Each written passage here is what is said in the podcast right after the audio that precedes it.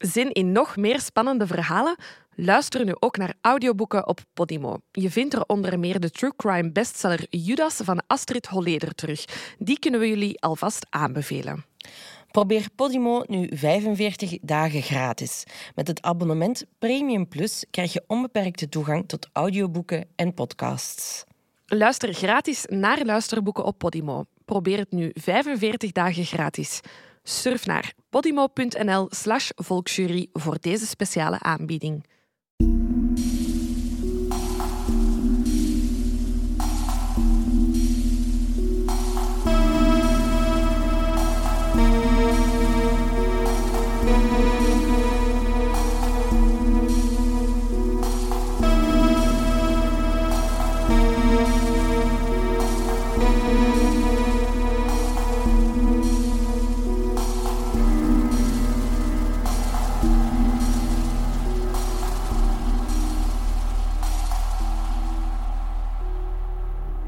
Welkom bij aflevering 71 van de Volksjury alweer. Wij zijn Laura en Silke. En we zijn alle twee gevaccineerd. Ja! We Wat hebben leuk. allereerste prik gehad. Al was- even geleden alweer Ja, ja, ja, ik denk eigenlijk ehm, voor ons alle tweede vrijdag nadat we ehm, elkaar hadden gezien of zo. Bij mij was, er, was het de woensdag, dus de Ja. dag voor de vorige aflevering ehm, Online kwam. online kwam. En wil ik even zeggen, hoe goed is dat allemaal geregeld Maar daar? bij u was het zot, hè? Ja, ja, ja ik, had mij, ik stond op die reservelijst Mhm. en ik was rustig aan het lunchen. en ik kreeg een bericht en ik dacht, dat is van mijn werk. Ik zal eens pauze, ik zal zelfs wel kijken. En dan zag ik dat dat inderdaad van QVEX eh, Mhm. was. Zo van, ja, je hebt nog een uur om te bevestigen. En bij sommige mensen is dat maar een kwartier. Hè? Ja, dus ja, ja. ik was al blij dat ik nog een uur had. En dan was er zo even stress, want je weet zo niet wanneer dat er voor u ruimte is voorzien. Dus ik dacht, ik moet dat nu meteen in orde brengen. En dan was het de dag erna. Maar dat was echt precies alsof ik naar een festival ging daar. Exact, exact. Hoe alles geregeld was. Al die stewards die daar stonden. Iedereen was blij. Mijn prik was gezet en ik kwam daar een steward tegen. En we hebben alle twee uitbundig geroepen... Vrijheid! Echt. Ik dacht, wat is dit? Je zit zodanig extatisch. Ja. Omdat het gewoon zo snel was ja, geweest. ja. Aniek heeft ook ehm, haar, haar eerste vaccin gehad, maar die heeft daar zo twee weken naar kunnen toeleven. Omdat hij zo via de reguliere Ja. weg haar uitnodiging heeft gekregen. En ik ja dan zo, oh ja, ik moet, ik moet dus morgen gaan. En het was ook heel grappig om te zien dat heel veel mensen van, van mijn leeftijd eh, op, online zo allemaal zeiden, ja, wie gaat er morgen nog allemaal zijn vaccin zetten? Dus het was echt zo, ja, precies alsof je naar een festival Ja, ging. bij mij is hetzelfde. Ik ben in, in Brussel geweest dan. En dat is op de IJssel, dus waar dat dan ja, Paleis 12 is, waar dat je effectief ja, kunt gaan feesten. Ehm er stonden allemaal van die valse palmbomen en lichten en muziek. En dan vroegen Ja, ze aan, en, vragen ze, als je binnenkomt, wilde nog een glas water drinken? Zeker, zeker. Ehm, en dan die dokter, die was ook heel jolig, die was echt, ja, die was heel vrolijk. Ehm, en ja, buiten een pijnlijke arm geen last van gaat. Nee, ik ook niet. Het was ook gewoon absurd hoe snel Binnen en buiten. Binnen, Binnen en en buiten. buiten. gewoon. Dus ik wil echt even zeggen, chapeau gewoon aan Ja. iedereen die, die luistert en, daar, en daarmee zou helpen. Echt goed gedaan. Heel goed gedaan. En laat u vaccineren gewoon. Ja, please, laat u vaccineren, jongens. Het is het begin van de vrijheid. Ik heb er zelf ehm, mee gestruggeld, niet met het vaccin, maar wel, ehm, ik had heel veel schrik om mensen tegen te komen eh, die zich niet wouden vaccineren. En ik kan ehm, veel van die mensen begrijpen. Ik snap dat je angstig bent. Ik snap dat je het niet vertrouwt, dat het allemaal snel gaat. eh, dat je schrik hebt dat die prik iets met Ja. u gaat doen. En dat deel van de mensen, daar ga ik geen discussie mee beginnen. Want dat zijn angstgevoelens en ik snap het en ik doe maar. Ehm, ik heb een groter probleem met de mensen die eh, het vaccin ook zien als een groter probleem.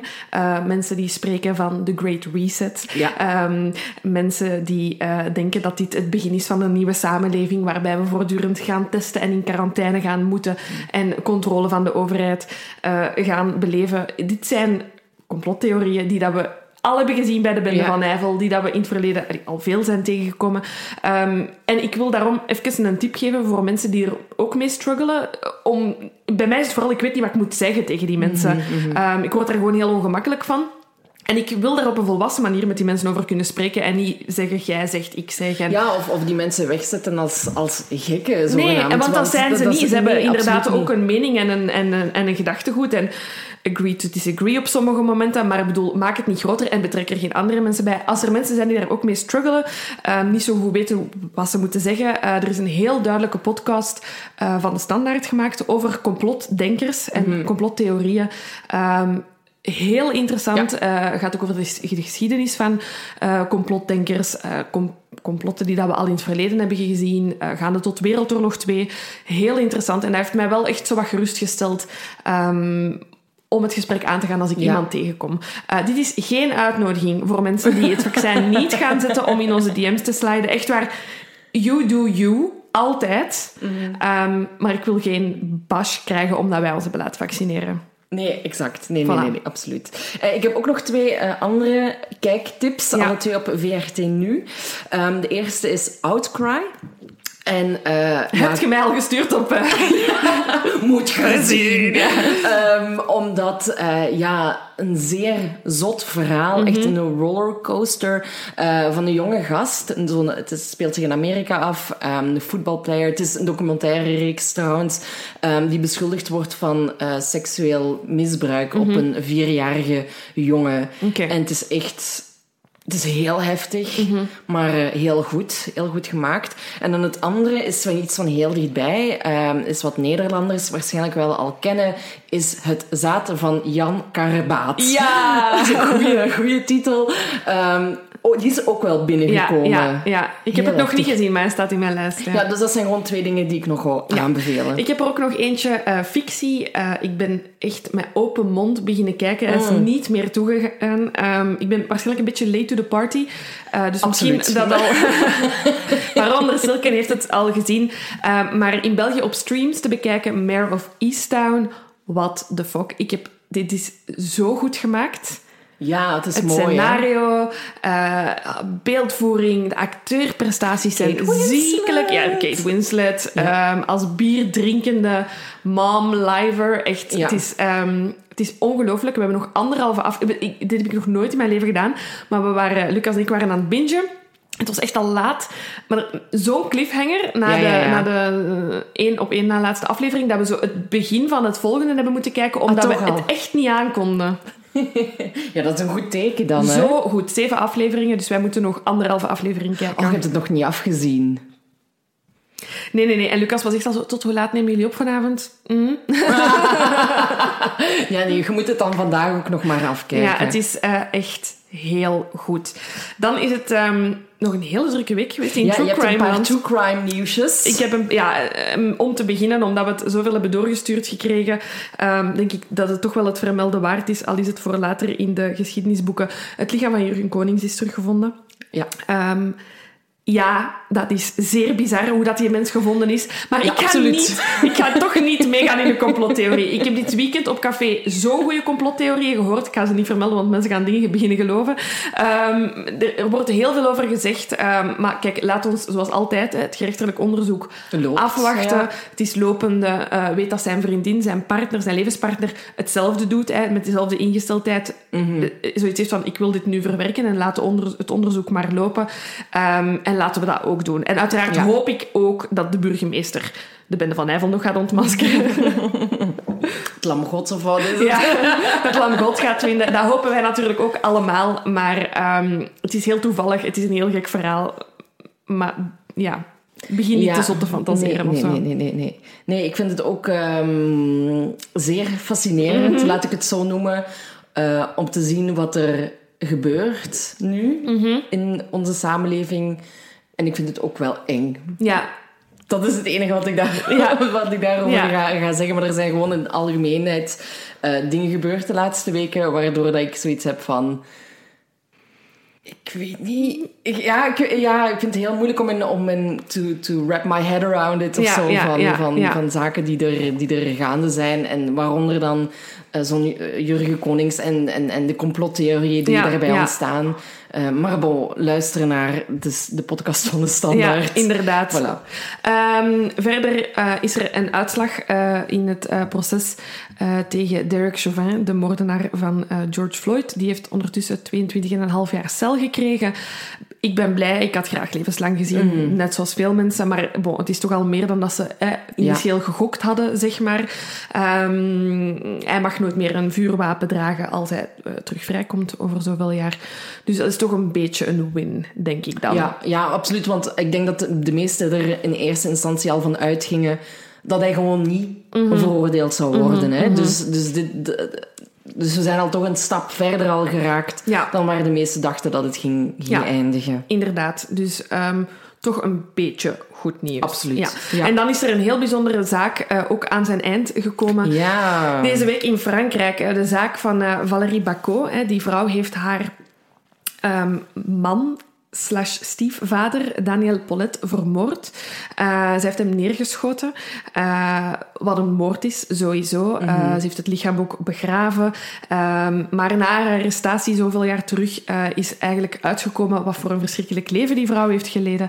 Ehm, ze is als kind door hem misbruikt. Ze is ongewenst mhm. zwanger geraakt. Hij heeft daar in een huwelijk geforst. Um, en op het moment dat een van hun kinderen ja. op 14-jarige leeftijd aangaf dat ja, de man hetzelfde aan het doen was als wat hij met zijn vrouw, hè, Valerie, dan heeft gedaan. Uh, ja, zijn bij haar, is bij haar ontploft in haar hoofd en heeft zij hem uh, om het leven gebracht. De vrouw heeft vier jaar in voorarrest, of drie jaar in voorarrest gezeten. Ze is wel schuldig bevonden aan moord, maar haar straf is, ligt onder, de, uh, onder haar voorarrest, waardoor dat ze dus de gevangenis heeft kunnen verlaten. Ik vind dat een zeer rechtvaardig uh, Zeer besluit. tuurlijk. Ja, hè. Uiteraard, ze is schuldig. Dat dat, mm -hmm. Je kunt iemand niet onschuldig bevinden, mm -hmm. want ze heeft effectief iemand doodgeschoten. Um, maar uh, ik denk dat zij genoeg heeft afgezien in haar leven. Dat zijn 25 jaar dat ze nooit meer gaat terugkrijgen. Absoluut. Voilà, nee, nee, nee, inderdaad. Dus dat vond ik inderdaad ook een heel wijze beslissing uh, van de rechter. Voilà, dat was, dat het. was het. Dat was het. Um, zullen we overgaan naar de aflevering van vandaag? Um, Jij hebt gekozen? Ik heb gekozen um, en ik wil eerst even vermelden dat ik... We zijn op bezoek geweest bij Peter van de Verre mm -hmm. tijdens de Marathonradio. En toen heb ik ook moeten uitleggen waar de zaak over ging. Maar ik had toen helemaal nog geen research gedaan. Dus ik wil even zeggen dat ik dat toen helemaal fout heb uitgelegd. Dus we gaan dat nu gewoon rechtzetten met deze aflevering. Um, het is de zaak van uh, Bik en uh, Han Pan. Mm -hmm. En uh, ja, ik denk dat we gewoon eerst even gaan beginnen wat hun afkomst is, waar ze vandaan komen. Ja. Ja. Um, ze worden eigenlijk omschreven als, als een koppel dat soort van een, een succesverhaal is als het gaat om immigratie mm -hmm. naar Canada. He, ze komen alle twee uit Vietnam. Uh, Han was daar eerst naartoe verhuisd. Uh, Bik is dan achterna gekomen. Ze zijn daar getrouwd. Uh, ze, hebben, ze zijn getrouwd in Toronto en dan zo naar een buitenwijk, als ik het goed heb, ja. zijn ze verhuisd. En uh, daar hebben ze dan twee kinderen gekregen. In 1986 kwam Jennifer ter wereld en drie jaar later dan Felix. Um, en ze werkten eigenlijk in een, in een, in een fabriek van, van auto-onderdelen. Ja. Um, dus ja, die, die, ze verdienden daar niet heel veel geld mee, maar ze waren wel echt heel erg zuinig ja. op hun uitgaven. Um, Waardoor ze eigenlijk al in 2004 eigenlijk al voldoende hadden verzameld om een heel groot huis te komen. Ja. Uh, ze hadden een Mercedes en een, en een Lexus. En ze hadden ook nog eens 200.000 dollar op een spaarrekening ja. staan. Dus dat bedoelen ze dan, dit is echt het succesverhaal. Ja, inderdaad. Hè. Twee Vietnamese immigranten die toekomen in Canada om een, ja, een nieuw leven te starten. Mm. En daar inderdaad, bam, direct meedoen. Um, de industrie mee ja. op gang trekken, zeg maar. Twee uh, gezonde, goede kinderen um, ter wereld brengen. Dus je kunt je inderdaad ook voorstellen um, dat Bik en uh, Han grote plannen hadden voor hun kinderen. Hè. Ja. Ze zitten het zijn twee migranten uit Vietnam, hebben veel meegemaakt, uh, hebben hard moeten knokken voor waar ze waren op dat moment. Hè. Ze hebben inderdaad hun kinderen school kunnen geven, een mooi huis, auto's.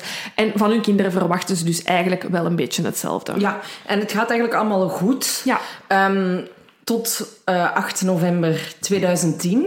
Ja. Um, want dan stort eigenlijk de hele wereld van, van die familie in. Hè? Want er, er breken ja, mensen in in een huis. Mm -hmm. En um, ja, ze, ze overvallen hen eigenlijk. Ja, hè? Ze een, vragen een homejacking. Een homejacking, inderdaad. Ze zijn op zoek naar geld. En Jennifer, de dochter... eh, die kan eh, eh, de, de, de 9... eh, ik wil 111 weer- call. Ik wil weer 911 zeggen, Ja. 911 eh, bellen. Ehm, en ze zegt van ja, je moet mij hier echt komen helpen, want ik weet niet waar dat mijn ouders zijn. Ehm, ik heb hulp nodig. Er zijn mensen binnengevallen. Ja, ja. Ehm, eh, Jennifer zat op het moment dat de, de drie overvallers eh, de- het huis binnentreden in haar kamer. Het was al laat. Haar mama had nog afgesproken met iemand, dus zij was als laatste thuis. En haar papa lag al te slapen, want Mhm. Ja. die moest vroeg werken. Ehm, maar Jennifer heeft gehoord hoe dat haar vader ja, gestommel hoorde, naar Ja. beneden is gegaan. En Jennifer bleef op haar kamer. Hè. Daar getuigt ze achteraf over dat ze zich heel schuldig voelde, dat ze alleen op haar kamer bleef. Eh, maar ja, ze was verlamd van angst. Wat moest ze doen? Ze hoorde van alles. Ze hoorde dat het over geld ging, dat er geld werd gevraagd. Dat haar ouders zeiden, we hebben geen cashgeld in huis, we kunnen jullie niks geven. Ehm, en Jennifer zit op haar kamer en eh, eh, uiteindelijk komen de drie overvallers ook boven. Eh, Jennifer verklaart dan ook ehm, na dat ze gered wordt, dat ze eh, haar handen hebben vastgebonden, maar dat ze er alsnog in slaagt inderdaad Ja. om die 911-call te, eh, te plegen, zeg maar. Daarover, hij staat online. Ik heb hem zelf gehoord in een Ja. podcast. Je hebt hem waarschijnlijk ook gehoord. Heel intens. Het is Heel echt met intens. roepen, Ja, ja, ja. tieren, hysterisch. En, en wat dat je ook op een gegeven moment hoort, is hoe eh ga hen, Mhm. Han, de vader, op een gegeven moment op de achtergrond ook hoort, hoort ehm, ja, kreunen eigenlijk van pijn en Ja. zo. Want ehm, ja, wat blijkt dan uiteindelijk? Eh, Han en zowel Ja. zijn neergeschoten. Ehm, en ja, Big overleeft het niet. Hè? Nee, Ze is inderdaad. 53 en ze is ja, doodgeschoten. Felix was trouwens niet thuis op het moment. En wat, dat, wat dat Han nog doet, die rent eigenlijk naar buiten op Ja. zoek naar hulp. Van, Ja. kom, kom mij Kom ons helpen, helpen, alsjeblieft. Ehm, en daar komt hij zijn buurman tegen, die denkt... Wat is hier Ja, aan de ja. hand? Je ziet hoe dat Han helemaal vol Ja, Han is, ook, zo. Han is in zijn oog geschoten. Ja, kunt je je Ehm, voorstellen. Dus het feit dat hij nog bij zinnen is op dat moment is eigenlijk al een Mhm. half mirakel. Ehm, maar Han valt dan uiteindelijk eh, neer en is bewusteloos op het moment dat de ambulance hem komt halen. Ja, dus die buurman heeft dan ook nog eens eh, de, de ambulance gebeld. Ehm, en ja, Han wordt dan overgebracht naar het ziekenhuis. Ja, inderdaad. Eh, ja, Jennifer is de enige die eigenlijk amper iets heeft. Hè. Ze, is, inderdaad, ze wordt door de ehm, hulpverleners en de politie aangetroffen op eh, de tweede verdieping. Hè, dus waar haar, waar haar slaapkamers zijn. Haar handen zijn achter haar rug samengebonden. Ehm haar gsm ligt naast haar, hè, waarmee dat ze dan de 911-call heeft eh, kunnen doen. Ehm, en zij wordt ja, onmiddellijk meegepakt voor verhoor, want ja, je hebt een ooggetuige. Ja, ja, ja, dat, dat, is- dat is heel goed nieuws. Dus diezelfde nacht eigenlijk wordt ze eh, lange tijd eigenlijk ondervraagd. Ja. Zullen we daar even over de ondervraging Ja, spreken? Ja. Ehm, dus eh, Jennifer vertelt aan eh, de politie eh, dat ze inderdaad op haar slaapkamer was. Ze had die dag ook afgesproken met een vriend om tv te kijken, maar die was dan vertrokken. De ouders van, van Jennifer zijn heel strikt en, en om negen uur moest zij Mhm. thuis zijn, alleen zijn in haar slaapkamer. Daar was ze dan op het moment dat ze beneden gestommel hoorde, die stemmen heeft gehoord. Ehm, en omdat ze dan ook is vastgebonden, ehm, meent ze te herinneren hoe dat de drie overvallers eruit Ja, ja, hè? dus ze kan een beschrijving geven van de drie overvallers die zijn binnengevallen. Ehm ze beschrijft hen alle drie als zwarte mannen, waarvan eentje van de drie met een Creools eh, accent, eh, Mhm. Caribbean Creools accent. Ze geeft echt een hele fysieke beschrijving, dus de politie is super content, want ja, Ja. heel goed. Ehm, maar dat is natuurlijk een eerste vraag dat, dat, dat de onderzoekers hebben. Denken van, is wel gek, want uw beide ouders zijn neergeschoten beneden. Jij zit boven, ongedeerd. En ze hebben nu als ooggetuigen achtergelaten. Ja. Ehm, maar Jennifer zegt, ja, daar hebben ze tegen mij ook over gesproken. Hè. De overvallers hebben tegen mij gezegd, jij zet hem niet staan te meewerken, in tegenstelling tot je ouders, dus we gaan u niks doen. Ja, inderdaad. Ja. Ja, ja, Maar er, komen wel nog vragen natuurlijk. Hè? Want de, de, de politie vraagt van, ja, maar jij werd vastgebonden. Hoe heb je dan hè, de hulpdiensten kunnen bellen? En, en Jennifer zegt, ja, maar ik kon gewoon wel... Mijn gsm zat zo in mijn, eh, tussen, ja, in mijn broek. Broeksriem. Broeksriem. Ja, ja. Ehm, ze kon er wel gelukkig heel erg makkelijk bij. Dus de Mhm. politie heeft zoiets van, oké... Oké, goed. Ja, er zijn ook foto's, ik heb al foto's gevonden hoe dat ze toont. Ah, ja, dat ja, ze haar gsm pakt. Ehm, nu, daar heeft de politie ook al een beetje, toch een beetje vragen bij, want ze kan inderdaad haar gsm uit haar broekzak halen, maar de call klinkt heel helder. En hij heeft zoiets van, ja, maar uw hand zat nog altijd achter uw rug. Hoe... Mhm, Enfin, Jennifer zegt van, ja, ik- dat weet ik niet meer. Ja, die is natuurlijk over haar toer. Die heeft net over... ja, ja. Weet ik veel hoe dat het allemaal eh, gebeurd Ja, is, inderdaad. Die is helemaal eh, over haar toeren. Ehm, dus de politie heeft zoiets van, oké, alle info is, is, is welkom. Eh, dus ze geeft die beschrijving van die mensen. En ze vragen ook aan Jennifer, heb jij enig idee waarom dat ze jullie er hebben uitgekozen? Mhm, hè? Er gebeuren eh, in de, de wijk waar ze wonen, waar dat vooral ehm, veel eh, Aziatische families en migrantenfamilies wonen nooit homecheckings. Hè. Eh, er zijn rijkere buurten. Het is, allee, ze, ze hebben het zeker niet slecht, maar het is, het is middenklasse. Hè. Ja, Ze- ja, ja, ja. De politie heeft in die buurt nog nooit een, een, een, home invasion gehad. Dus ehm, Jennifer zegt zelf, ja, ik weet het niet. Ze waren duidelijk uit op geld. Hè. Ze hebben naar cash geld gevraagd. We hadden wel een beetje cash, ehm, maar ook niet veel. Misschien zijn ze gelokt door de auto's. Ja, hè. inderdaad. Hè? Want ze hadden inderdaad die dure wagens. Ja, ja, hè, die Mercedes en die. Lexus. Misschien dat ze daarop zijn afgekomen, inderdaad. Ja.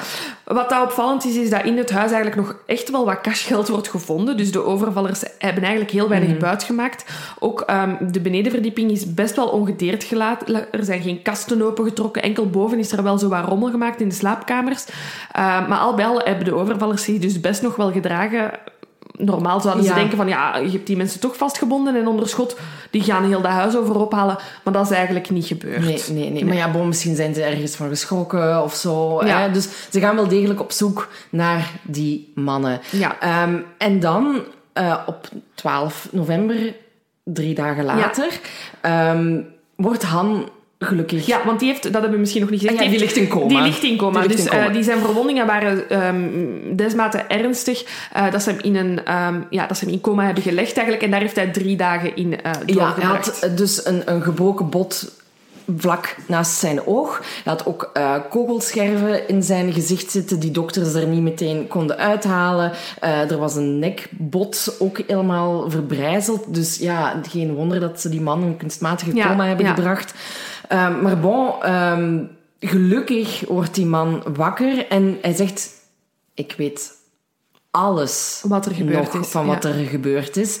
En ehm, daar zijn toch een paar details bij waardoor dat het onderzoek een andere richting eh, uitgaat. Ja. Want eigenlijk is er tot dan drie dagen lang naar eh, die persoonsbeschrijving van eh, Jennifer ehm, eh, gezocht. Hè. Ehm, de, de onderzoekers hebben Han onmiddellijk ondervraagd. Het was ook heel belangrijk. Jennifer mocht haar vader niet bezoeken totdat hij Mhm. ondervraagd was. Ehm, wat toch al een richting aangaf dat de politie absoluut. toch al een en ander op het spoor was. Want wat Han te vertellen had, is wel echt bijzonder. Ja, want hij zegt dat Jennifer Mhm. tegen een van die overvallers wel heel vriendelijk Ja. was. Hè? En, en zo'n soort van, ja, precies alsof dat ze elkaar al kenden. Mhm.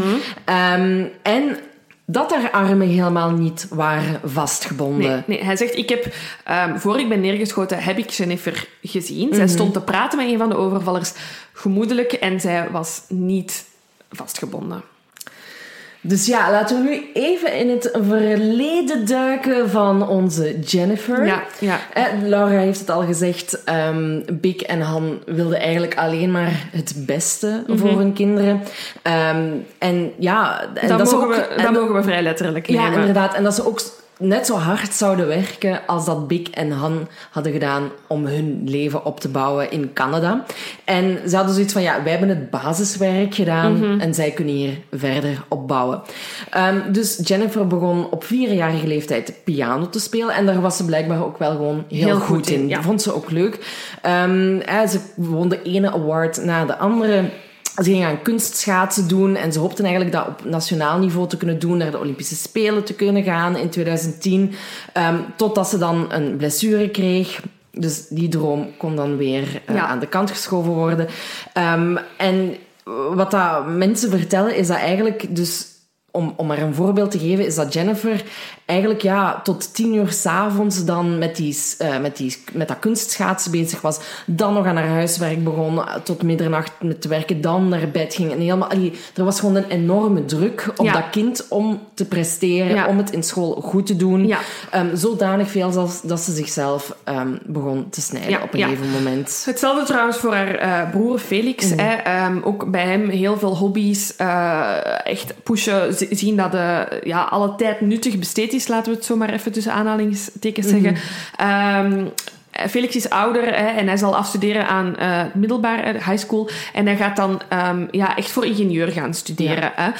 Um, mechanical engineering. Uh, en daar waren de ouders heel blij mee. Ze zeiden, wij maken de auto-onderdelen en jij gaat ze later ja. ontwerpen. Hè. Uh, dus ze waren heel trots. En dat is ook de reden waarom Felix niet thuis was. Hij zat op een universiteit een beetje verder um, en kwam waarschijnlijk enkel in de weekends of zo naar ja, huis. Ja, ja, bij Jennifer liep het iets anders. Ja, inderdaad. Het, het gaat vooral eigenlijk mis vanaf dat ze 13, 14 jaar is.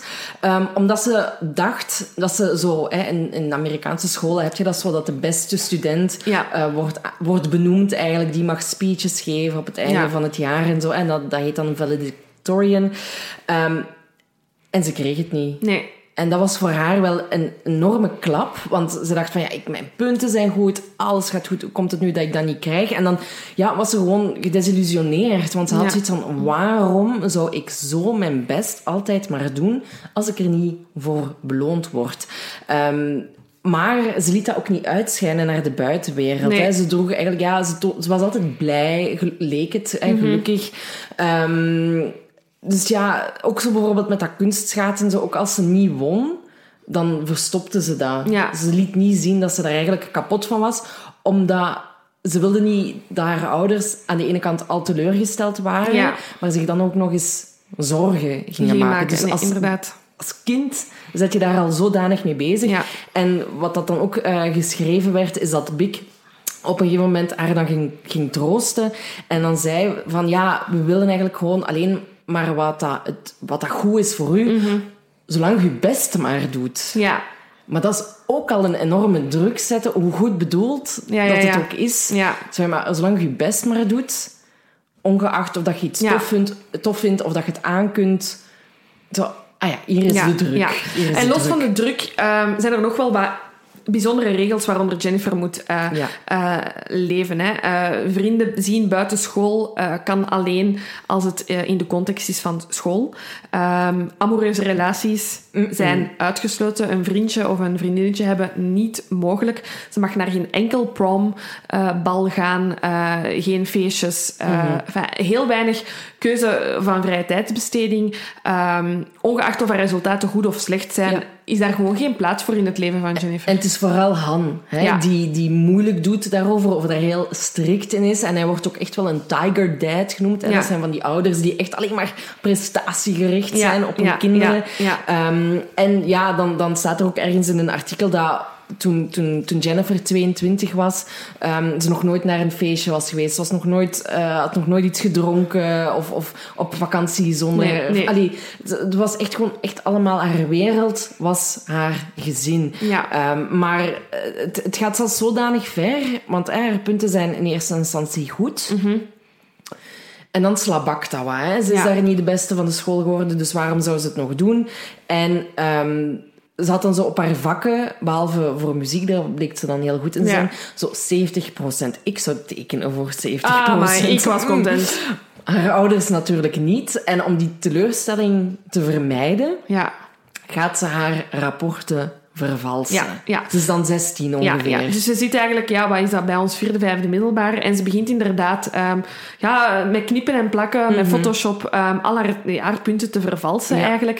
Um, en het escaleert eigenlijk voor het eerst wanneer ze zou moeten afstuderen van uh, high school. Want ze buist op het laatste examen Ja. van wiskunde. waardoor ze dus haar diploma niet haalt paniek, want dat Ja. gaat niet. Dus vervalst ze haar diploma. Ze zegt tegen haar ouders dat ze effectief is afgestudeerd op het middelbaar. Ehm, allee, op, op high school. En dat ze dus ook naar de universiteit gaat gaan. Ze faked verschillende eh, toegangsbrieven. Ehm, ze faked dat ze tot één van de universiteiten niet wordt toegelaten. Maar fake dan, Oh, ja, ja, eh, ja, fake ja, dan dat ze tot een andere wel wordt toegelaten. Hè. Ehm, haar ouders hebben ook al een pad voor haar in gedachten. Namelijk, ze moet dokter worden. Mhm. medical school gaan doen. Maar eh, Jennifer kan niet zo goed tegen bloed. En daar hebben haar ouders zoiets van... Oké, daar kun je echt niet aan doen. maar dan gaat je wel apotheek worden. En ze wordt dus hè, vals toegelaten op eh, de Universiteit van Toronto, waar dat ze ehm, apotheek studeert. Ja. En ze pakt het heel slim aan. Ze gaat ook zelfs gewoon tweedehands boeken kopen om aan te tonen van kijk, deze vakken volg ik. Ze gaat, en dat doet mij heel erg denken aan de zaak van de ja, Romaas-familie. ja. Ze gaat ook echt weer naar de bibliotheken. Ze leest daar zoveel ze kan om bij te blijven met wat dat er in die medische sector gebeurt. Zodat ze daar ook thuis over kan, kan vertellen. Ze kijkt blijkbaar YouTube-filmpjes eh, en samenvattingen, eh, zodat ze inderdaad s'avonds aan tafel, als haar ouders vragen, ah, en wat heb je geleerd vandaag, dat ze effectief wat termen kan droppen eh, Ja, en kan ja, zeggen waarmee dat ze bezig is. En in de tussentijd gaat ze ook wel werken. Hè? Ze heeft dan zo'n paar jobjes als eh, serveerster in een pizzatent en zo, om toch maar eh, wat geld te verdienen. Ehm, en ze heeft eigenlijk ook een vriendje eigenlijk op dat moment waar haar ouders helemaal niks van weten. Nee, hè? nee. Ehm, dat is Daniel Wong. En ze leert hem eigenlijk kennen ehm, wanneer dat ze ook, denk ik, 15, 16 zou zijn. Ehm, en hij speelde trompet in de schoolband en Kijk. ook in de, de marching band. En ze gingen dan naar... ja, ze deden een trip naar Europa met de marching band. En ehm, dat was in 2003. En dan is de vonk En dat is overgeslagen. vonk eigenlijk overgeslaan. En ook de manieren waarop. ehm, toen mocht je nog roken in concertzalen. Ja. En ehm, ja, Jennifer had last van astma. Heeft daar een astma-aanval gekregen. Is naar buiten gerend. Dacht dat ze ter plekke ging sterven. Daniel is ter hulp geschoten. prins op het witte, witte paard geweest. En ja, toen is de vonk eigenlijk overgeslagen. Maar ze wist maar al te goed dat haar ouders daar niet mee akkoord zouden gaan. Nee. Ehm, op een gegeven moment komen ze inderdaad wel te weten dat ze, dat ze een relatie met Daniel heeft. En ze, en ze keuren dat eigenlijk compleet af. Ook omdat eh, Daniel zijn achtergrond anders is. Hij is geloof ik half Filipijns, half, Half Chinees, Chinees. ja. En ja, dat kan niet. Nee, dat Chinees gedeelte tot daar aan toe. Maar die de- Filipijnse rood... Nee, mm, mm, dat mm, ging niet. nee. Dus je merkt wel, de ouders van Jennifer hebben echt wel, echt wel Veel invloed. eh. veel invloed en hun judgment klaar. Ja. Maar kijk, liefde gaat waar het niet mag kruipen. En, Absoluut. En, en, en Daniel en Jennifer blijven elkaar zien. Hè. Eh, Jennifer verzint bibliotheekbezoekjes en spendeert dan tijd Ja. met Daniel. En dat zal zo blijven tot in haar twintiger jaren. Hè. Op het moment dat ze op de universiteit zit, gaat ze Daniel, ehm, die ook drop-out is, of hij heeft denk ik wel zijn eh, high school diploma gehaald, maar hij ehm, aan de universiteit Nee, gaat hij niet verder studeren. En hij is de, trouwens in de drugshandel ondertussen. Ja, hè? ja, ja. Dus hij is helemaal ook van het padje. Hij is helemaal van het padje, dus wel echt niet de beste partij voor uw dochter. Dus daar Kan- hadden ze misschien gelijk. daar hadden ze misschien een punt kunnen hebben. Eh, maar ja, Jennifer kan zich niet houden. Gaat hem regelmatig ehm, eh, lunch brengen op het werk. Ehm, weet inderdaad van eh, die drugsdeals waar Daniel mee bezig is. Maar ja, het kan haar niet tegenhouden. Ehm, en het is uiteindelijk pas op haar 22, 23 dat ze beide, Daniel en Jennifer, eigenlijk de relatie stopzetten. Omdat het gewoon te lang Blijft aanslepen. het blijft lang aanslepen. Daniel heeft zoiets Ja. van... Ik bedoel, je bent nu ver boven de leeftijd dat je echt wel een Ja. relatie met iemand mocht hebben, los van wat je ouders denken. Maar ja, Jennifer... ik- ze denkt, ja, als ik hierover moet bekennen tegen mijn ouders, wat gaat er nog allemaal uitkomen? Dat wil ik niet. Ehm, Maar, maar het gebeurt op een gegeven moment maar wel. uiteindelijk gebeurt het wel. En het is een beetje door eh, Daniel. Hè. Dus eh, haar ouders zien haar eh, met Daniel samen in het winkelcentrum. Ze is dan hè, 23, net geen 24. Ehm, en in het moment waar ze zo voor heeft gevreesd, waarvoor ze die relatie zo angstvallig heeft verzwegen, alles komt eruit. Hè. Dus haar ouders ehm, zien haar aan het winkelcentrum. Terwijl dat zij beweert dat ze op dat moment vrijwilligerswerk aan het doen is in een kinderziekenhuis. Maar haar ouders zijn haar gevolgd. Hebben Ja, ja, ja. gezien dat ze daar niet is binnengegaan. Ze vonden het al raar, want ze had geen uniform van dat ziekenhuis. En alles komt eruit. Jennifer ja, ja. bekent dat ze... Ze, ze, ze had er trouwens ook gezegd... even interfereren, Dat, dat ze bij een vriendin bleef slapen om, die, om dat vrijwilligerswerk te kunnen doen. Die ouders hebben ook gebeld naar die vriendin en dan zo... Die hadden blijkbaar zo heel vroeg gebeld, dus dat meisje was zo... Waarom bel je nu mensen zo vroeg? En dan zo... Ja, nee, die heeft hier inderdaad uh, nooit overnacht. Nee, nee, nee. Dus ja, dit was het moment van Jennifer om um, de waarheid te vertellen aan haar ouders. En alles komt er in één keer uit. Jennifer vertelt over haar relatie met Daniel, die nooit gestopt is geweest. Um, ze vertelt uh, dat ze niet aan de universiteit studeert, dat ze niet um, vrijwilligerswerk doet in het ziekenhuis. Um, ik denk enkel het deel van het middelbaar ja, diploma heeft, ze, heeft ze, niet verteld, omdat ze dacht van ja, bon, dat, dat, is te veel. Dat, is te veel. Um, dat kan ik niet meer aan. En ja, uiteraard de reactie van haar ouders, ja, die zijn zienend. Hè. Die, die, die klappen nog meer dicht eigenlijk wat betreft het leven van, van, van Jennifer. Die zeggen van of je kiest nu voor Daniel maar dan moeten wij u nooit meer zien. Mm Bollet dan maar gewoon af. Of je verbreekt alle contacten, je komt terug bij ons wonen met curfew, avondklokken en toestanden. Ehm, maar dan zorg je ervoor dat je wel terug gaat studeren, hè, dat alles terug op zijn ja. pootjes terechtkomt. Maar geen Daniel. Nee. En uh, ja, ze kiest dan inderdaad voor haar familie om daar terug te gaan wonen. Mm en ja, dan heel dat gedoe met Daniel natuurlijk ook. Hè. Hij had zoiets van, ja, ik wil dit niet meer doen. En maar dan zo na veel vijven en zessen... Ja, hadden ze toch nog wel contact. Ja, en Jennifer begint eigenlijk terug een tweede leugenachtig leven. Hè. Ja. Um, ze heeft inderdaad eh, wel terug de, uh, de moed uh, bijeengesprokkeld om uh, haar opleiding af te maken. Hoe dat ze dat dan tegen haar ouders heeft gezegd, dat ze dan toch terug naar high school... Ja, Allee, dat weet ik niet. Of dat heeft ze misschien gewoon niet gezegd en gewoon achter de hand ja, uh, ja, gedaan. Ja. Um, maar ja, ik heb het al gezegd, ik ga het nog eens zeggen. Liefde gaat waar dat je het niet wilt uh, zien kruipen. En ze neemt dus terug contact op met Daniel. Ja, ja, ja inderdaad. Maar dat heeft ze ook... Um, wacht, zit ik hier al goed met... met um, Andrew? Nee, nog niet. Ah, nee. nee, wat ik nog wil zeggen is dat ze ook nog heel erg um, Daniel emotioneel gechanteerd heeft eigenlijk ook. Ah ja, ja, maar dat is pas erna. Dat is pas daarna. Oké, dan doen ja, we... Ja, ja, ja. Dus het leven, het leven van Jennifer... Ik wil gewoon even haar laatste weken hè, in het huis van haar ouders schetsen. Um, alles wordt gemonitord. Ja. Ze moet haar gsm afgeven. Al haar berichten worden elke dag nagelezen. Mm -hmm. Ze moet om negen uur thuis zijn. Ze mag enkel contact hebben met de mensen uh, die ja. haar ouders uh, goedkeuren. goedkeuren, zeg maar. Um, ze mag niet uitgaan, niet feesten, niet gaan eten op restaurant. Dus het is echt enkel studeren, thuiskomen... Um, mm-hmm. een bijbaantje hebben. Ze mag wel nog altijd die pianolessen blijven uh, geven. Uh, dus ze heeft wel een beetje eigen cash. Um, en geld dat ze dan mm. zelf heeft verdiend, maar dat is het. Um, en het is in die periode uh, dat Jennifer terug contact opneemt met ja. iemand uit haar lagere school. Ja, en dat is Andrew Montemeyer. Ja. Um, en die kennen ze eigenlijk al, al heel lang. En hij had blijkbaar zo eens een keertje opgeschept tegenover haar dat hij wel eens mensen heeft overvallen in het park en daarbij een mes heeft gebruikt. Ja.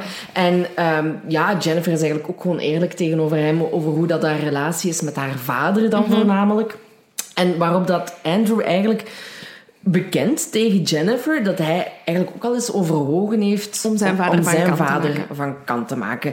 En Jennifer is geïntrigeerd. Het zaadje is, is geplant.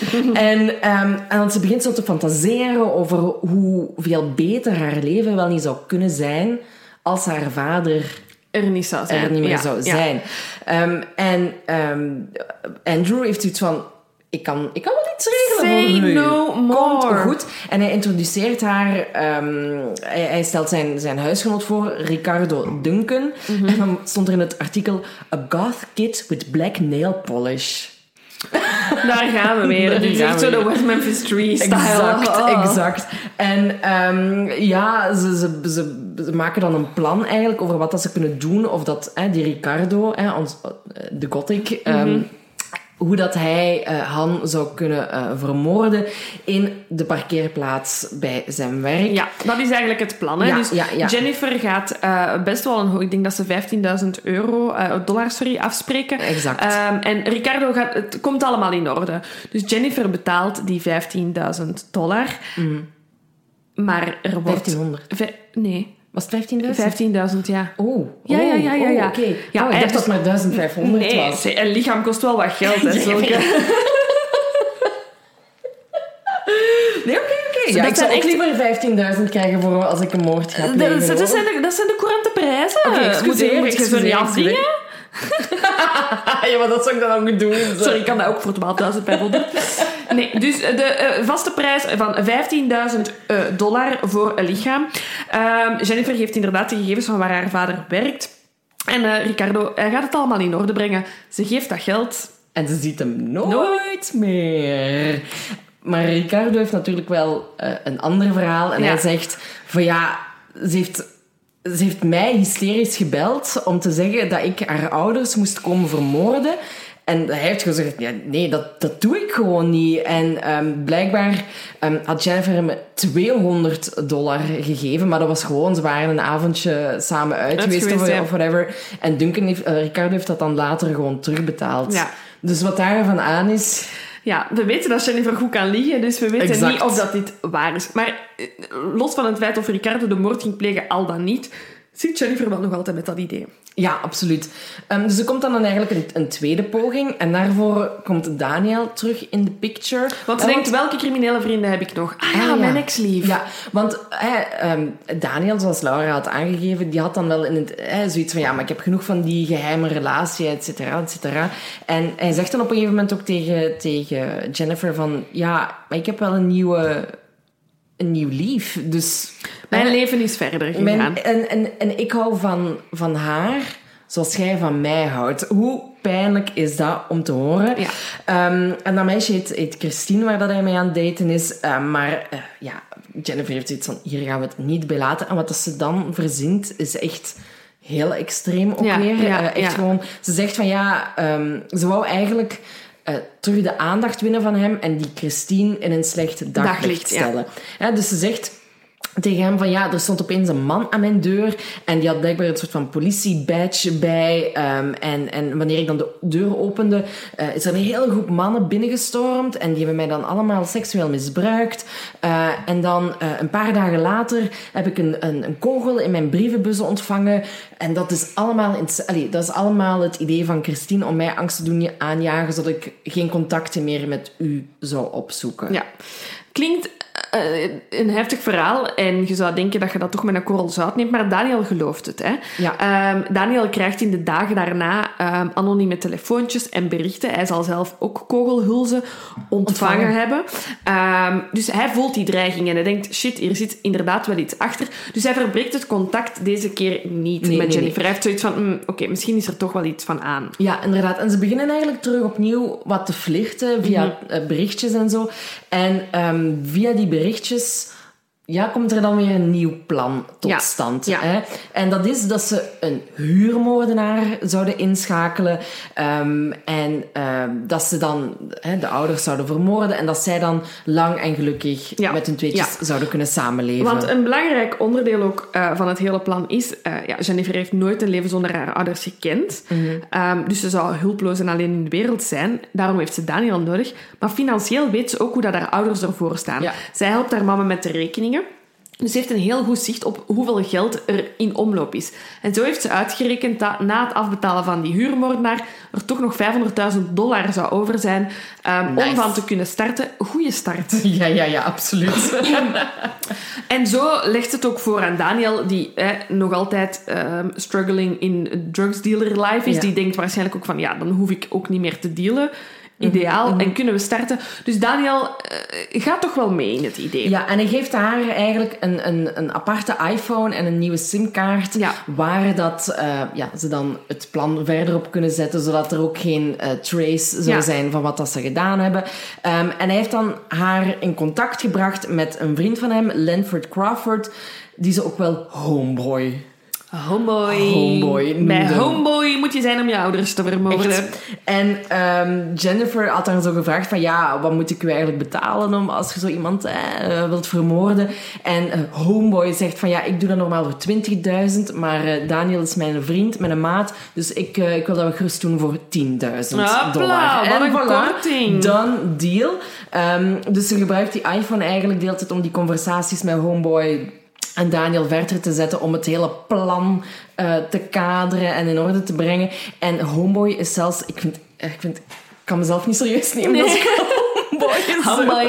Homeboy, die gaat dan ehm, ja, nog zelfs op Halloween-nacht een soort van eh, kijken de route en het huis is langs buiten bekijken van hoe dat er allemaal uh, Ja, hij neemt het wel professioneel aan. ja, voor 10.000 dollar mag dat wel. Het is toch al beter dan? Ricardo met zijn Zeker waar. 15.000 eh, dollar. En ehm, het plan zou eigenlijk doorgaan op 2 november. Ja, Maar ja, Daniel is dan weer zo van...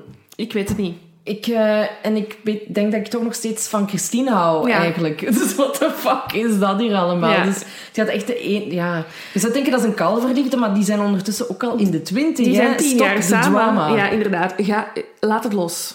Stop the drama. Maar bon. Eh, dus, eh, dus Daniel heeft zoiets... Allee, Jennifer denkt van ja, oké, maar dan kan het plan niet doorgaan. En Daniel pusht daar dan eigenlijk een beetje van... Het is toch niet omdat het tussen ons gedaan is dat jij niet met het plan Ja, kunt maar dat, doorgaan. dat ziet hij dus verkeerd. Hè? Ja. Voor Jennifer, Jennifer is altijd, er is altijd hand boven haar hoofd gehouden. Zij heeft wel echt iemand nodig om in dat nieuwe leven te stappen. Ehm, Ja. Zij gaat deze niet alleen doen, zoveel Ja. is duidelijk. Inderdaad. Maar het plan gaat inderdaad toch niet door die avond, omdat haar ouders blijkbaar eh, waren uit eten en dat was... wa- Te ingewikkeld. eh, te ingewikkeld gewoon. Dat voor niet in de prijs.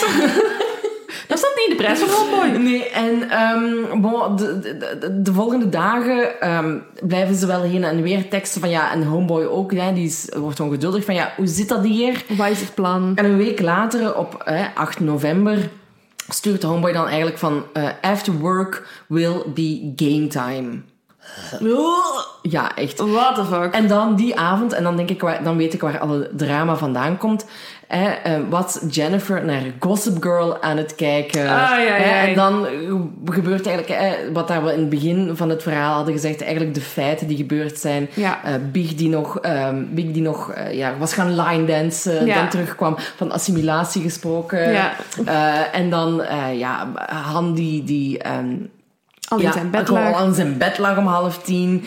En ja, dat er dan opeens drie mannen zijn binnengestormd. Ja, ja. En eh, ja, wat dat we in het begin van Ja, de aflevering ja, hebben gezegd. Hè? Het is dus tijdens de derde ondervraging ehm, dat de politie eigenlijk recht tegenover Jennifer zit en deze dingen al weet. Hè? Mhm. Of toch al een idee ervan heeft. Want ze hebben Han ondertussen ondervraagd. Mhm. Ehm, en ze hebben weet van die telefoons dat er zijn. Ehm. En dus in een vijf uur durende ondervraging, die derde ondervraging, zal dan eindelijk een van de agenten zeggen van kijk Jennifer... we gaan even over uw leven praten. Jennifer begint te vertellen. Ehm, en naar aanleiding van dan, dat ze vertelt, dat ze heel strikt is opgevoed, zegt ze van, kijk, ehm, we weten dat je heel veel hebt gelogen in het verleden. Eh, familieleden dan ook al bevestigd dat ze inderdaad geen diploma had en dat ze het allemaal had verzonnen. Ehm, en het is dan eigenlijk tijdens die derde ondervraging dat, eh, dat daar werd duidelijk gemaakt van, we weten dat je er iets mee te maken hebt en je moet gewoon eerlijk zijn. Ja, maar wat ik heel interessant vind, is dat die detectieve die tegenover haar zit, Ja. die zegt... Ik ben geen detectieve, maar ik ben een waarheidszoeker. Ja, ja, ja. En het was zijn specialiteit blijkbaar om ja, bepaalde methoden te gebruiken, zoals lichaamstaal analyseren, ehm, bekijken hoe dat een verdachte de, de- ja, reageert op de vragen die Ja. gesteld worden. Ehm, en, en zeggen van... Wat dat ook heel interessant is, was dat hij zegt van ja, ik ga uw statement analyseren via een computerprogramma. En daarin, daaruit kan ik ook afleiden of dat jij al dan niet de waarheid spreekt. Of dat er eh, dingen niet kloppen een beetje een next level leugendetector. Ja, bon, wij weten nu al gewoon dat dat kwatsch is. Mhm. Maar Jennifer zit daar en denkt... Oké. Misschien moet ik dan toch maar... Hè, ze, ze, ze breekt ook op een gegeven moment Ja, en ja, ja. zegt... What's gonna happen to me? Mhm, En dat is voldoende voor die detectieve om te weten... Nu Ben- hebben we haar. Ik ben, goed, ben goed aan het duwen. Maar ze vertelt dan wel iets helemaal anders. Ja. Ehm, ze heeft... Ik vraag me af, wanneer dat ze dit heeft bedacht, had ze al een Ja. voorgevoel eh, of niet? Had ze in haar hoofd al een tweede plan? Eh, want dit is ook het, het, het plan dat ze gaat aanhouden tijdens de rechtszaak, hè, die dat dan in- uiteindelijk in 2014 er komt. Zij zegt, inderdaad, ik was mijn leven beu. Ik was het beu zoals het was bij mijn ouders. Ik kon de druk niet aan. Ehm, ik wou het leven niet leiden dat zij mij voorlegden en ik wist dat ik hier niet aan kon ontsnappen. Ehm, en ik heb inderdaad huurmoordenaars ingehuurd. Maar er mocht maar één slachtoffer vallen en dat was ik zelf.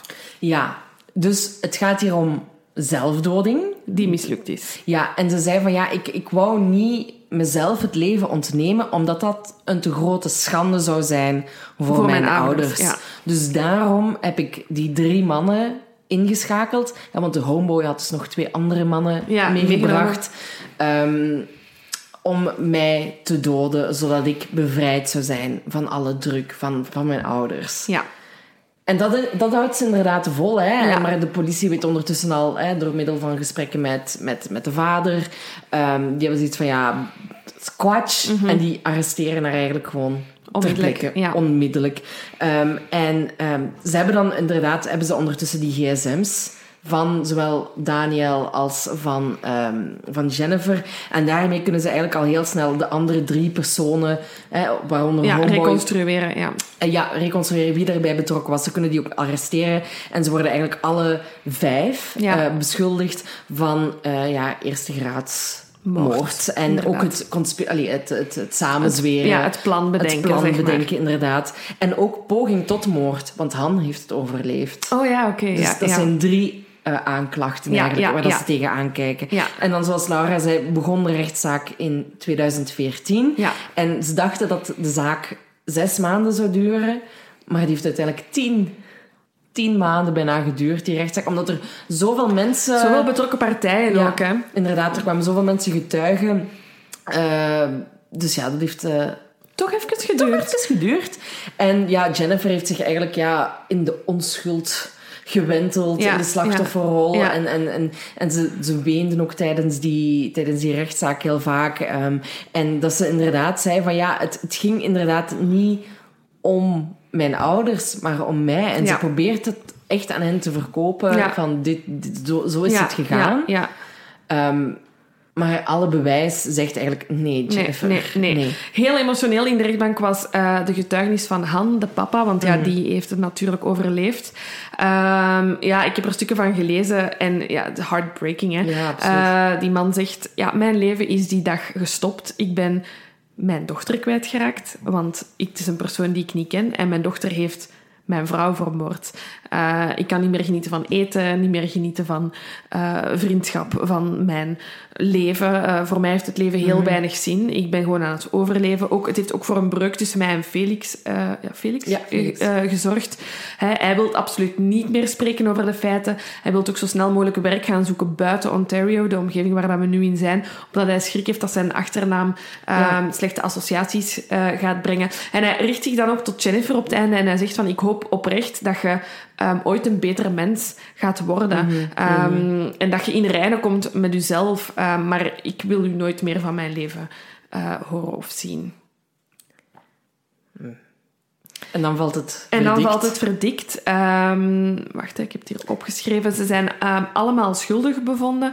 En ze hebben een life sentence with no chance of parole for 25 years ontvangen. Ja, dus die zitten sowieso vast voor 25 jaar. Ja. En dan daarna bestaat er eventueel de mogelijkheid dat ze terug vrijkomen. Ja. Maar ja, als ik zo de artikels doorneem, dan schrijft iedereen... She has no chance of ever getting free. En, Nee, ik, ja. denk, ik had ergens opgezocht dat het in 2039 is dat ze voor de eerste keer zou kunnen vrijkomen. ja, ja. En een van de gasten die mee heeft, een van de moordenaars eigenlijk, die heeft meegedaan, die is eh, na twee jaar ehm, in de gevangenis te gezeten te hebben, doodgestoken.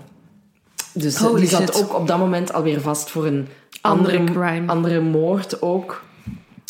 Dus ja, dat was, eh, dus die zat er eigenlijk wel heel goed. Ja. Ehm, maar eh, ja, dus die, die, die is overleden en ja, zij, zij zit daar nu nog steeds. Ja. En, en, en zoals jij zegt, Han, die wil, die wil eigenlijk ook heel graag zijn huis verkopen. Ja, Maar niemand die het wil kopen, omdat... ja, wat gruwelijkheden daar gebeurd zijn. Inderdaad. Ja.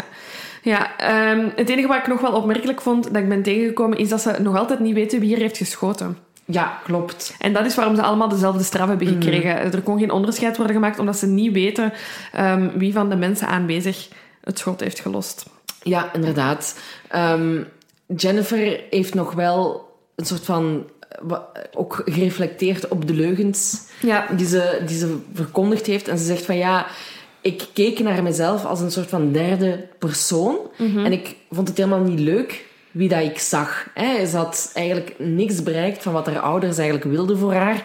Ehm, maar ik was zodanig rationeel bezig op dat moment dat ik maar bleef gaan en ik moest blijven gaan. Ja, ja. Omdat ze schrik had dat ze anders alles zou verliezen. Ja. Which happened anyway. Ja, ik wil nog even afsluiten ehm, over deze zaak toch. Uh, in principe dat we zo nog een zaak gaan brengen. nee, Ehm, ik ben toch eens even op Reddit gaan kijken. En mijn hart is wel gebroken. Er waren zoveel ehm, first generation eh, New Americans eh, die zich herkenden in het verhaal van Jennifer. Niet dat ze allemaal een huurmoordenaar op hun ouders hebben afgestuurd. Maar vooral het, het, het, het, het gegeven van de druk. dat, ze, dat ze Jennifer daar wel in herkennen. En dat ze zeggen van, ik heb ook gelogen over punten eh, in mindere mate. Ehm, maar gewoon om mijn ouders niet teleurstellen. En er is wel echt een enorme druk ehm, hè, van, van ouders met een, mi- met een migratieachtergrond om het ja, gewoon dat hun kinderen het beter doen. En vanaf dat dat niet lukt, eh, ja, voeren ze die druk eigenlijk op, wat dat absoluut niet gezond is. Nee. Niks praat goed wat Jennifer heeft gedaan. Maar we moeten toch ook wel even stilstaan bij het leven dat ze heeft moeten leiden van Ja. haar ouders. Dat is Ja. wel, denk ik, belangrijk om te vermelden. Absoluut. Voilà. absoluut. Dus het was heel moeilijk voor mij om te lezen. Al die eh, mensen dat dan onder haar verhaal op Reddit zeiden van Ja, ik herken het en ik, ik heb hetzelfde gevoel. En eh, bij mij is het wel goed uitgedraaid en ik ben er wel geraakt. En, Ik, ik, ik denk dat het gewoon belangrijk is, maar ik, bon, ik ben geen ouder, dus ik kan me daar nog niet over uitspreken, is dat je je kinderen, ehm, als ze met een slecht rapport thuiskomen, ze daar niet voor te straffen, maar gewoon te zeggen van, het komt goed, we gaan hier aan werken. ja, No pressure. ja. Laat het kind kind Ja, zijn. ja, en ja, je hebt ook een beetje vertrouwen. Hè? Ja. En het, ik bedoel, want iemand zei dan, vond ik heel confronterend, die zei van, ja, ik zit hier nu met een dikke MBA, ehm, maar ik heb wel echt tien jaar een zeer ongelukkige jeugd gehad. En ik weet niet of dat het een het andere opheft. Mhm, Ehm, en dat vond ik heel confronterend. En dan denk ik, shit, ja, dat is wel echt eh, hard. En ben ik blij voor de opvoeding die ik heb gehad. Ja, ja, ja, absoluut. Bon, mijn ouders waren soms ook niet blij met mijn rapport. maar bon, daar, daar gingen verder geen... Niet zulke Heb je ooit punten vervalst? Wel. Nee, nee, nee, nee, nee, nee, nee, nee. Zelf uw toetsen getekend? Nee. Oh, ik wel. hey, mama. Nee, ik heb dat niet... Nee, wij moesten onze toetsen ook niet Ah, wij wel. Wij moesten altijd onze toets, eh, dan kreeg je resultaat, dan moest je dat gehandtekend teruggeven. Hmm. Dat weet ik zelfs niet. Enfin, ik, kan, ik kan de para van mijn moeder zeer goed nadoen. Mijn vader heeft zo'n echt dokters geschreven, dus ik zou niet weten waar te beginnen. Nee, maar bij mij was het soms ook gewoon... ehm, ik was vergeetachtig en allee, ik bedoel, soms was dat ook een 8 op 10, dat ik gewoon was vergeten te tekenen. Maar je kreeg dan minpunten als dat niet getekend was, dus dan tekende Ook als je een 8 op 10 had. Zeker. Nee, nee. Nee. Goed, Dat was dat het. was het. Ik vond het een heel interessante zaak, Silke. Dank u om deze Ja. te kiezen. Alsjeblieft, gedaan. Ehm, De boek, moet er nog iets over het boek? Eh, ja, we zijn bijna stilaan aan zijn eind. Uh, Ja. We gaan nog één keer een grote bestelling plaatsen van 400 boeken bij de uitgeverij. We gaan dat echt een week op voorhand op Instagram en Facebook spammen, spammen, spammen. Maak jullie geen zorgen. We hebben altijd eind juni gezegd. Ik denk dat het eerder begin juli zal zijn. Ehm, aangezien dat dat deze week is. En we ook nog de website dan in orde moeten krijgen. Dit en dat. Laat hem alsjeblieft niet crashen deze keer. En weet, hè, als, het, als het niet lukt om het boek te bestellen, we plannen nog altijd om één sessie te signeren in de open lucht, dat jullie langskomen, dat je het boek al hebt. Je kunt het dan niet meer bij ons kopen. Maar dan mensen die nog geen handtekening Ja. hebben, kunnen dan wel langskomen. Eh, want we begrijpen het wel dat jullie onze handtekeningen veel hebben. snappen dat en verder, leuk. En verder wil ik ook, ook nog even de mensen bedanken die dat al een suggestie hebben gedaan eh, voor de special dit jaar. Ja, Ehm, heel veel goede suggesties, eh, maar ik heb een zeer duidelijke voorkeur voor één. En daar gaan Silke en ik nu over debatteren, maar dat gaan jullie niet horen. Oké, bye. Bye!